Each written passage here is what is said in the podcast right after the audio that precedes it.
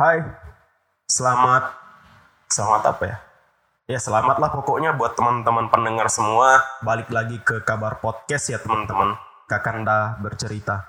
Nah teman-teman, jadi kemarin itu aku habis nonton film uh, Dua Garis Biru ya. Uh, teman-teman pasti pada tahu juga kan, entah sudah nonton atau belum film Dua Garis Biru ini. Karena memang di media sosial dan juga uh, realita juga banyak sih orang yang ngomongin soal film ini. Entah dia uh, tertarik dengan isu yang diangkat ataupun sekedar ngolok gitu karena film ini apa ya remake film remake dari Korea aku juga nggak aku juga kurang paham kenapa teman-teman yang kayak gitu.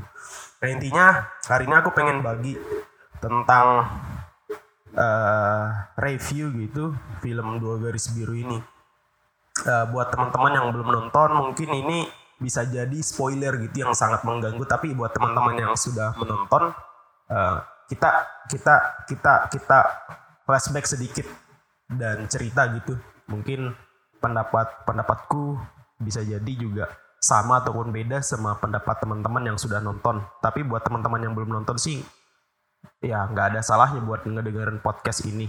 Sebagai referensi aja gitu buat pembukaan buat nonton gitu sama sendiri kah atau sama pacarnya kah ya terserah. Nah, jadi bicara soal review film Dua Garis Biru ini, saya Kakanda akan membagikan beberapa hal sih kepada teman-teman semua. Yang pertama, aku pengen cerita uh, tentang trailer filmnya dulu sebelum aku nonton kemarin. Uh, pokoknya cerita tentang filmnya siapa sutradaranya penulis sutradara sekaligus penulis naskahnya siapa pemain pemainnya siapa terus ya cerita tentang film lah seputar film dan yang kedua eh, bagian-bagian yang menarik di dalam film dan yang ketiga yang menurutku yang tidak kalah penting yang tidak kalah penting dari film ini adalah uh, bagaimana kita bisa mengambil nilai-nilai ataupun pelajaran yang bisa kita petik dari film Dua Garis Biru ini.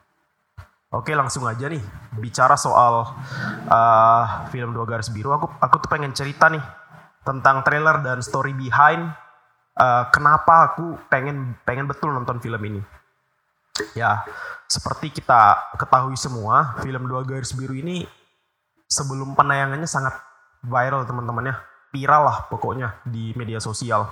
Uh, banyak yang membicarakan film ini masyarakat di Twitter, di Instagram, sampai di sampai sampai masyarakat PES juga ikut ngomongin, eh PES udah nggak ada ya. Sorry sorry sorry. Pokoknya film dua garis biru itu uh, banyak lah yang uh, yang yang yang ngebicarain. Uh, nah pada saat penayangan trailernya kemarin ini banyak Eh, pandangan-pandangan yang bermunculan terkait dengan film ini, entah uh, yang pro maupun yang kontra, karena memang film ini apa ya bisa dikatakan sangat sangat sangat apa ya sensitif isu yang diangkat di dalam film ini. Tapi ya meskipun film ini banyak dirundung uh, dengan berbagai macam pandangan negatif, Uh, tapi kita nggak bisa pungkiri dalam satu minggu penayangannya kemarin itu pada saat saya tonton film ini uh, terbukti meraih sukses teman-teman. Ya dua garis biru uh, secara mengejutkan tertangkap di dalam jajaran top 9 box office Indonesia tahun 2019 loh. Wih tepuk tangan dong buat film dua garis biru ini. Um, Ya kita lanjut ya teman-teman. Sedikit cerita juga, tadi kan aku juga bicara soal trailer film ini dan kemudian pandangan ketika trailer film ini muncul gitu. Nah sedikit cerita juga kenapa kemudian aku nih sangat tertarik untuk nonton film ini dan bahkan udah menunggu gitu. Uh, tanggal 12 Juli kemarin um, uh, penayangan perdananya kan di, bioskop-bioskop gitu. Uh, sangat pengen nonton gitu apalagi semenjak aku nih aktif di Twitter uh, Adinda Adinda JKT JKT 48 yang aku follow ramai-ramai gitu mengabari bahwasannya film ini akan dirilis pada bulan Juli. Ya secara kan kita semua tahu karakter utama Dara nih uh, si cewek SMA yang hamil itu yang kebetulan diper, diperankan oleh Adisti Zara Sundari Kusuma Wardani adinda kita semua adalah seorang member JKT48 kan. BTW di JKT48 saya juga suka nih sama Hasyakila Utami Kusuma Wardani yang tak lain tak bukan adalah kakak kandung dari Dara ataupun Zara tadi dan baby Caisara Anadila. Hehehehehe skip. Kembali ke sorry teman-teman ya. Kembali ke kembali ke flashback nih uh, kenapa tadi aku pengen nonton film ini? Nah di Twitter itu rame tuh rame yang ngebicarain rame juga yang uh, apa ya yang retweet hasil review uh, beberapa account yang mendapatkan privilege ketika berhasil nonton premiernya gitu. Nah, pun juga sekedar memberikan pemberitahuan bahwa mereka sudah nonton film ini. Setelah setelah film itu tayang lah. Nah, awal sebelum penayangan malah uh, lebih rame lagi nih teman-teman. Uh, yang tadi aku katakan gitu rame yang kontra karena menganggap trailer film ini menam, menampilkan uh, akan menampilkan ya akan menampilkan adegan-adegan yang vulgar dan kurang menyenangkan gitu. Hmm. Alhasil saya yang yang udah kadung gitu ngelihat tweet-tweet tersebut sampai kemudian penasaran dong cari tahu ini film sebenarnya apa sih. Maka dari itu uh, pada saat itu posisinya aku belum belum belum belum nonton trailernya. Nah, aku aku tonton trailernya dong waktu rame tuh uh, yang yang yang yang yang ngebahas soal film ini. Nah, pas aku sudah nonton nih, selesai nonton film trailernya itu, aku jadi paham nih kenapa orang-orang pada rese sama film ini. Nah, yang pertama, trailer film Dua Garis Biru ini belum apa-apa udah nampilin adegan short kiss. Apaan sih short kiss?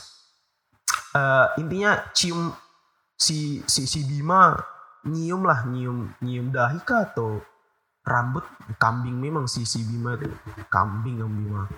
Uh, Iya dia dia si Bima nih nyium nyium nyium kening kening dan rambutnya si Dara. Nah, Terus singkat cerita di trailer itu si Dara hamil setelah berhubungan seks dengan si Bima. Nah, apa ndak marah tuh? Uh, netizen di luar sana yang ngeliat film yang kayaknya bakalan rame nih ditonton sama anak-anak SMA SMP gitu. Secara kita tahu uh, karakter si Dara sama si Bima ini kan anak SMA.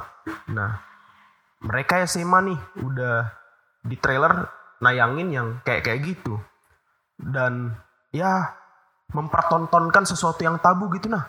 Kayak ciuman dan kehamilan di luar nikah gitu. Lebih-lebih masalah masalah eh lebih masalah lagi sih. Lebih-lebih mereka nih masih SMA lagi. Ya jelas sih eh, marah gitu kan. Nah apalagi melihat kultur masyarakat Indonesia yang masih ya somehow how to say ya malu-malu kucing gitu nah. Tapi mau juga sih sebenarnya membicarakan hal ini gitu ketika di tongkrongan kan. Tentu saja ya respon yang tidak menyenangkan uh, akan menyenggol film ini kalau dilihat dari trailernya uh, sekilas saja gitu. Nah, ya memang sih uh, kalau mau uh, menurut menurutku kalau mau ngeliat film-film yang kayak gini harus memiliki pemikiran yang terbuka supaya bisa uh, paling tidak nggak uh, ngejudge langsung gitu uh, terkait dengan filmnya ya ya pikiran kita harus terbuka sih kalau kalau ngelihat uh, sesuatu yang katakanlah tabu untuk dibicarakan seperti ini.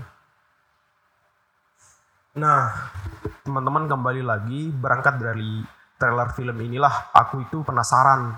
Sebenarnya uh, penasarannya itu lebih kepada bagaimana uh, si sutradara ini uh, akan memberakhirkan film ini nanti.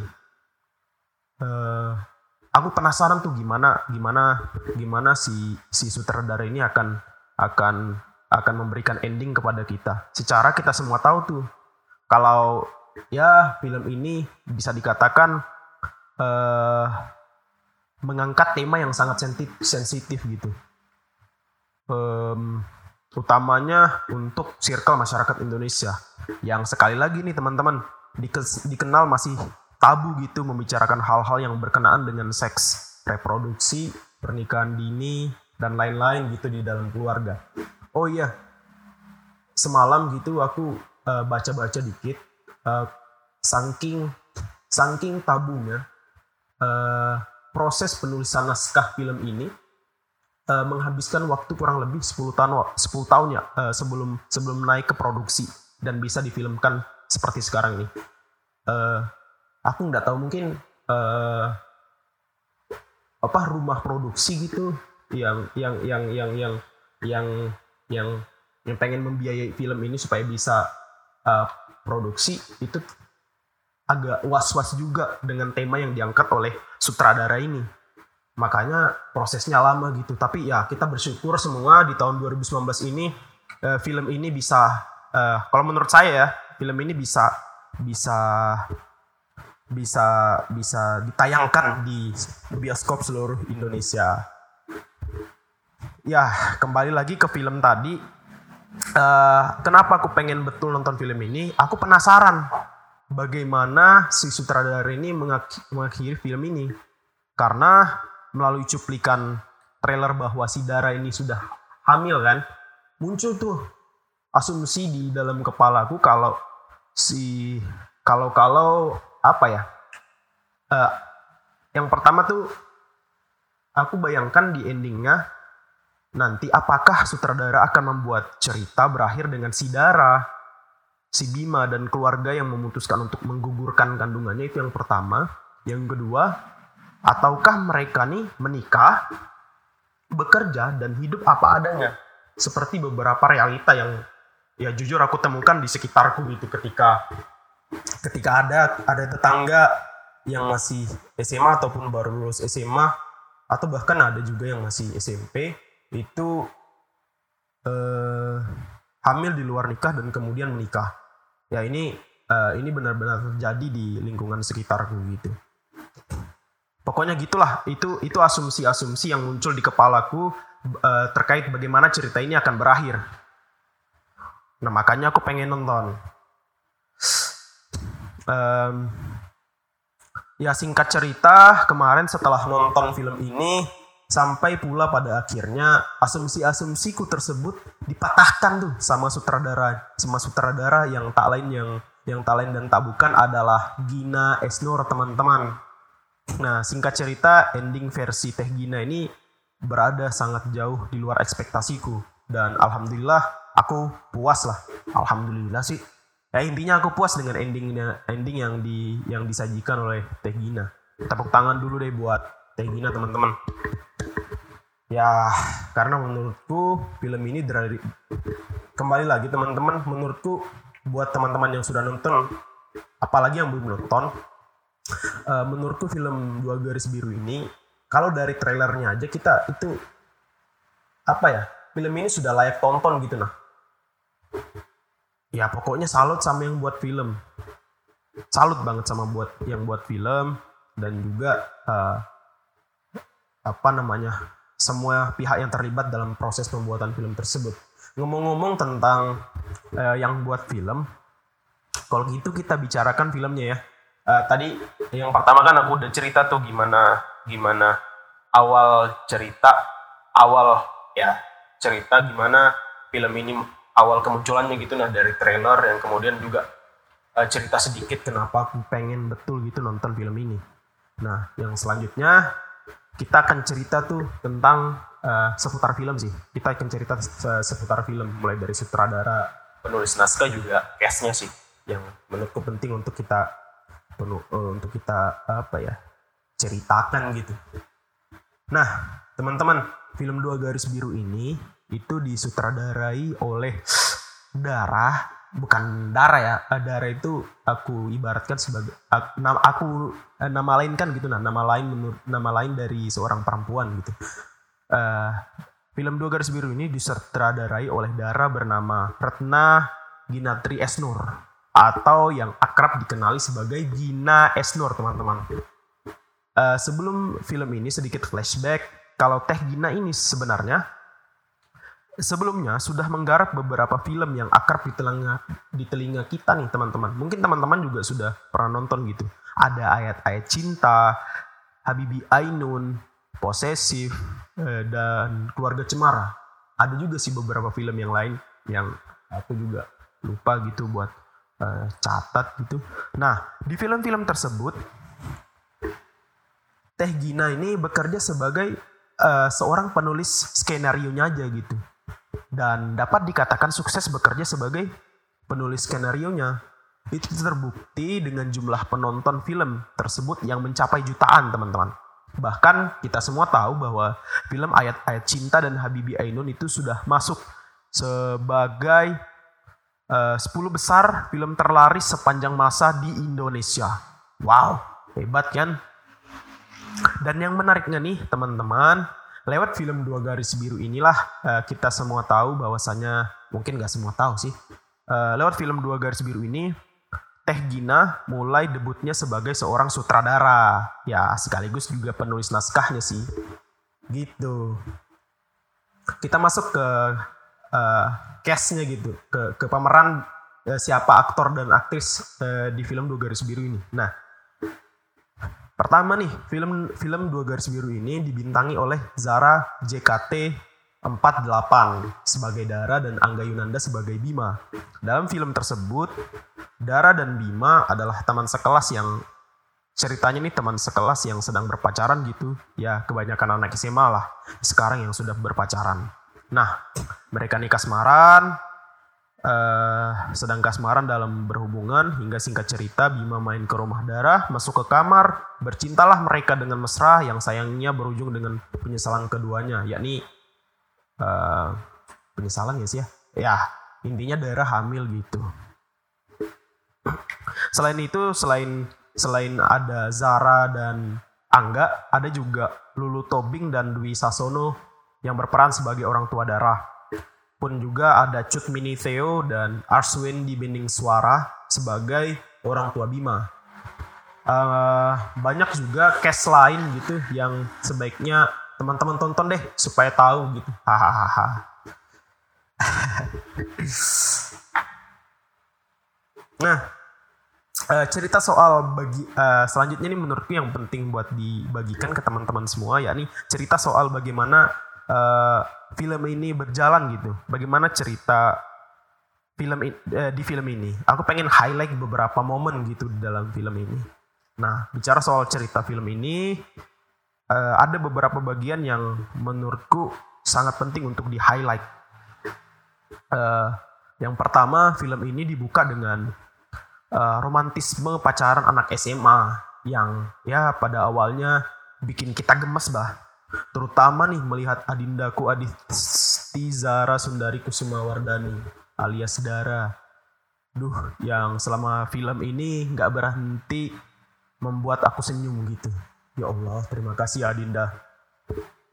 Hanya saja si Bima nih minta dipukul memang di dalam film itu teman-teman. Ya bagaimana nggak minta dipukul gitu. Berani-beraninya dia mesra-mesraan sama Adinda Kudara gitu. ya mau di apa sih? Tapi uh, kembali ke film gitu kalau boleh jujur acting keduanya berhasil ya membuatku senyum-senyum dan marah-marah sendiri ketika nonton kemarin. Hehehe. Kembali ke film konflik pertama kemudian muncul setelah fase romantisme keduanya berakhir di atas kasur tersebut teman-teman. Berakhir dengan kehamilan darah uh, di tengah-tengah cerita bagian awal film inilah Dara dan Bima yang mengetahui kehamilan tersebut bingung nih. Marah, menyesal, dan sedih. Keduanya nggak tahu harus ngelakuin apa-apa. Yang kemudian dengan bingungnya sampai pada keputusan kita gugurin yuk bayinya gitu. Ya banyak mungkin pasangan-pasangan um, di luar sana tuh yang uh, ketika tanpa sengaja, tanpa keinginan sebenarnya untuk hamil ketika berhubungan uh, ketika hubungan badan ya. Kemudian hamil bingung gitu. Uh, bingung juga terus kemudian marah juga menyesal dan juga sedih. Ya tersam, uh, tergambar jelas gitu nah kondisi mereka dengan karakter yang di, dengan karakter yang di, di, di, di, di, diwujudkan di dalam film ini berupa Dara dan Bima yang memang kembali kita tahu gitu bingung marah menyesal dan sedih ketika mengetahui kondisi ini terjadi gitu. Nah uh, mereka bingung kan nih uh, sampai pada keputusan tadi uh, menggugurin kandung uh, menggugurin kandungannya si Dara. Nah ada yang menarik nih waktu nonton kemarin aku di bioskop tuh. Pas pas pas pas scene yang itu pas nonton kemarin itu mulai dah tuh orang-orang orang-orang di belakang tuh nangis hehehe. Kembali ke film nih. Uh, sebelum berangkat untuk menggugurkan bayinya darah yang usia kehamilannya sekitar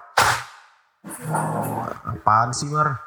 Uh, da darah yang uh, itu itu tadi saudaraku gitu teman-teman. Kembali ke film tuh Dara yang usia kehamilannya sekitar 9 sampai 10 minggu uh, melihat sebuah artikel ya.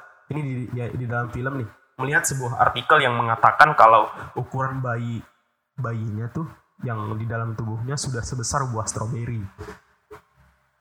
Uh, Dara yang melihat itu dilema dong. Tapi ya keputusan buat ngegugurin itu sudah disepakati mereka berdua. Ya biar or, ya tujuannya biar orang tua kita nggak tahu intinya mereka nggak boleh tahu lah ceritanya. Biar masalah ini nggak menjadi semakin runyam gitu. Alhasil mereka pun berangkat ke tukang gugurin kandungan. Menariknya sebelum masuk ke rumah untuk menggugurkan kandungan kandungan darah Bima dan Dara membeli jus yang di blender gitu. Kebetulan yang dipilih jus stroberi kena lah darah yang tak tega ngeliat stroberi stroberi stroberi itu terblender hancur berkeping-keping menjadi jus. Yang menarik di sini memang uh, teh Gina nih uh, bagaimana dia memvisualisasikan janin tadi sebagai stroberi yang kemudian ketika diaborsi itu ibaratnya seperti uh, apa si janin ini terblender gitu. Terhancur. Ter ah pokoknya kita ngelihat strawberry itu aja yang sebenarnya biasa gitu tiba-tiba langsung eh uh, ada perasaan tidak enak gitu karena ya pengibaratan tadi bahwa si strawberry itu adalah janin daripada si bayi yang ada di dalam kandungan perempuan hamil gitu. Jadi sangat luar biasa sih jenius sekali menurutku Teh Gina di sini. Nah uh, melihat melihat melihat uh, strawberry itu di di di di jus ya sama si sama si tukang jus darat darah langsung seolah-olah mual gitu ya intinya dia nggak tega dong yang kemudian nggak jadilah mereka ngegugurin kandungan itu nah ini ini sih ini sih menurutku konflik pertama yang kemudian melahirkan konflik kedua di mana kedua orang tua mereka tahu mengenai kondisi darah yang sedang hamil. Nah ini ceritanya waktu itu di sekolah lah. Eh, buat teman-teman yang sudah nonton pasti tahu, yang belum nonton silahkan nonton. Keren banget. Nah, kedua orang tua darah yang mengetahui si darah ini hamil itu marah besar. Ya siapa yang tidak marah gitu mengetahui anaknya dihamili nih di luar nikah. Masih SMA lagi hancur berkeping-keping lah hati Om Dwi Sasono dan Tante Lulu Tobing gitu. Dan kehancuran perasaan mereka itu benar-benar apa ya? Diperlihatkan dengan jelas melalui acting seorang Lulu Tobing dan Dwi Sasono tadi sebagai orang tua darah. Yang sama-sama kita tahu dengan emosional dan tergesa-gesa memutuskan untuk meninggalkan darah. Mereka tidak memaafkan darah. Allahu Akbar. Sabar ya darah dindaku. Di lain pihak, orang tua Bima sama nih, sama hancurnya. Apalagi mamanya yang diperankan oleh Cut Mini tadi. Sakit benar-benar. Taunya si Bima nih kan, si anak nih adalah anak yang baik gitu nah. Eh, secara mengejutkan menghamili anak orang. Kecewa besar lah dia. Sampai-sampai kemudian refleks nih menempeleng si Bima. Mampus kau Bim. Nah, cerita lucu lagi pas pas si mama si Bima tuh menempelin si Bima orang-orang yang nonton kemarin di bioskop sama-sama aku sama-sama aku tuh menangis terisak-isak pada bagian ini. Aku senang dong. Wah mampus kau Bim. Hmm, bercanda sih. Tapi ya serius sih sebenarnya. Ya kembali ke film gitu nah. Pokoknya uh, scene ini panjang lah.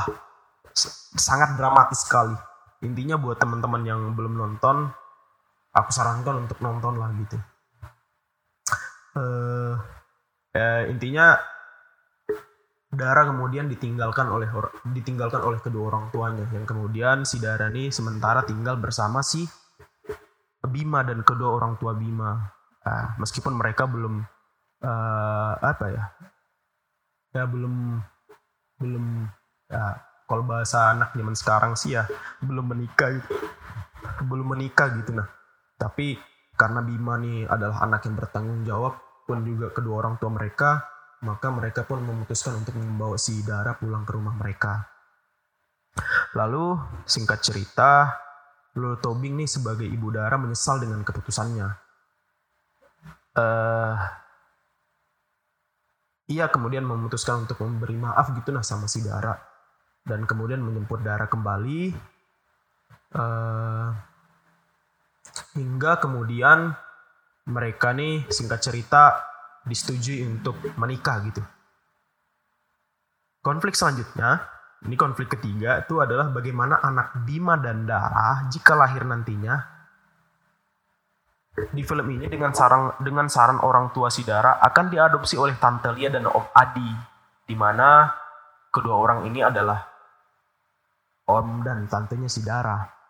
Rencana ini tidak disetujui oleh kedua orang tua Bima. Bima dan orang tuanya kekeh tuh pengen banget membesarkan anak tersebut. Nah, di bagian akhir film, Bima, Dara, dan orang tua tuh memutuskan untuk menunggu keputusan apa yang mereka ambil setelah nanti anak mereka ini lahir. Entah mau diberikan apa ya hak asuhnya untuk si tante dan Om Lia atau nanti diasuh sama Bima dan keluarganya itu nanti diputuskan ketika si anak ini lahir. Um, dan alhasil dengan berbagai macam peristiwa yang terjadi seperti darah yang rahimnya harus diangkat nih teman-teman keteguhan Bima dan keluarga untuk membesarkan Adam anak mereka nih yang sudah lahir kemudian menjadi alasan bagi kedua orang tua Dara untuk menyetujui keputusan Dara, Bima dan orang tua Bima untuk membesarkan si Adam. Intinya cerita uh, apa kondisi si Dara yang rahimnya harus diangkat dengan uh, Bima dan orang tua Bima yang uh, pengen pengen banget ngerawat si anak ini uh, membuat kedua orang tua si Dara ini terenyuh hingga kemudian sepakat untuk merawat anak mereka gitu Ya, di akhir cerita Dara yang memiliki mimpi untuk kuliah di Korea akhirnya terbang deh ke Korea. Ya itu itu singkat cerita filmnya ya teman-teman. Eh, beberapa scene yang menurutku eh, menarik sih untuk kita flashback. Dan terakhir nih teman-teman sebelum sebelum apa ya, sebelum podcast review film dua garis biru ini aku tutup gitu ada beberapa pelajaran yang menurutku bisa kita petik melalui film dua garis biru ini. Yang pertama nih, menurutku obrolan tentang tentang seks di meja makan gitu. Sangat tabu di dalam sebuah keluarga. Ya karena sama-sama kita tahu nih, boro-boro soal seks, soal pacaran aja sudah seperti petir yang menyambar di siang bolong ketika ada anak yang bicara soal hal tersebut kepada orang tuanya. Uh, kita semua tahu, teman-teman, menurutku nih ya, menurutku menurutku dan aku yakin teman-teman semua tahu bahwasanya hal ini sebenarnya sangat penting untuk dibicarakan. Orang tua maupun anak-anak harus terbuka dan mau membicarakan film ini eh film ini sih mau membicarakan hal ini gitu. Nah film ini mengajarkan betapa pentingnya hal tersebut. Hal itu ditunjukkan dengan menyesalnya mama si Bima yang baru menyadari pentingnya hal tersebut dibicarakan di keluarga bahkan di meja makan gitu itu sih menurutku. Dan apa ya? Ya kita semua tahu gitu pendidikan seks itu sebenarnya sudah pendidikan seks ya, ya reproduksi gitu sebenarnya udah diajarkan di sekolah. Uh, pun di sekolah kan banyak gitu di poster-poster di majalah dinding entah di OKS ataupun beberapa tempat di sekolah itu yang menampilkan gambar-gambar tentang reproduksi tadi juga di biologi kita sudah belajar maka aku pikir eh, sebenarnya tinggal bagaimana kita ini terbuka aja sih buat ngebahas hal ini. Uh, ya karena meskipun kita tahu nih, tapi kalau kita nggak terbuka dengan diri kita, nggak terbuka dengan orang tua kita, uh, aku yakin uh, teman-teman juga bisa salah langkah. Contohnya saja, kita semua tahu kalau si Darani kan sangat pintar gitu karakternya di dalam film itu. Tapi ya ujung-ujungnya dia juga kebablasan. Itu sih. Oh iya, kita semua tahu juga tuh semua apa akses informasi di zaman digital ini sangat sangat sangat tak terbatas uh, dan ya jangan jangan salah kalau uh, anak-anak kita adik-adik kita gitu udah udah udah udah bisa ngakses informasi seputar seks entah itu video bokep ataupun konten-konten pornografi yang lain. Maka diperlukan untuk keterbukaan tadi untuk ngebicarain di dalam keluarga gitu. Itu yang pertama sih. Yang kedua untuk teman-teman yang bukan jomblo dan sedang sendirian. Hehehe. Simpelnya sih buat teman-teman yang sedang pacaran. Apalagi untuk kalian yang masih SMA atau SMP hati-hati gitu dalam menjalani hubungan kalian. Pikirkan memang dengan matang-matang sebelum mengambil keputusan yang bisa jadi mendatangkan penyesalan gitu. Uh, buat kalian seperti kasus si Dara sama si Bima tadi di masa depan. Kalian kan punya cita-cita besar, jalan yang panjang gitu dalam meraih segala hal dalam kehidupan kalian ma ma masa harus menyesal karena satu keputusan gegabah gitu teman-teman yang tidak hati-hati. Pikirkan benar-benar, diskusikan gitu dengan orang tua. Jikalau memang kalian memutuskan untuk menikah dan memang benar-benar telah siap menikah, menikahlah. Kalau belum, ya nggak usah lah. Jangan buru-buru gitu, jalani aja hidupmu.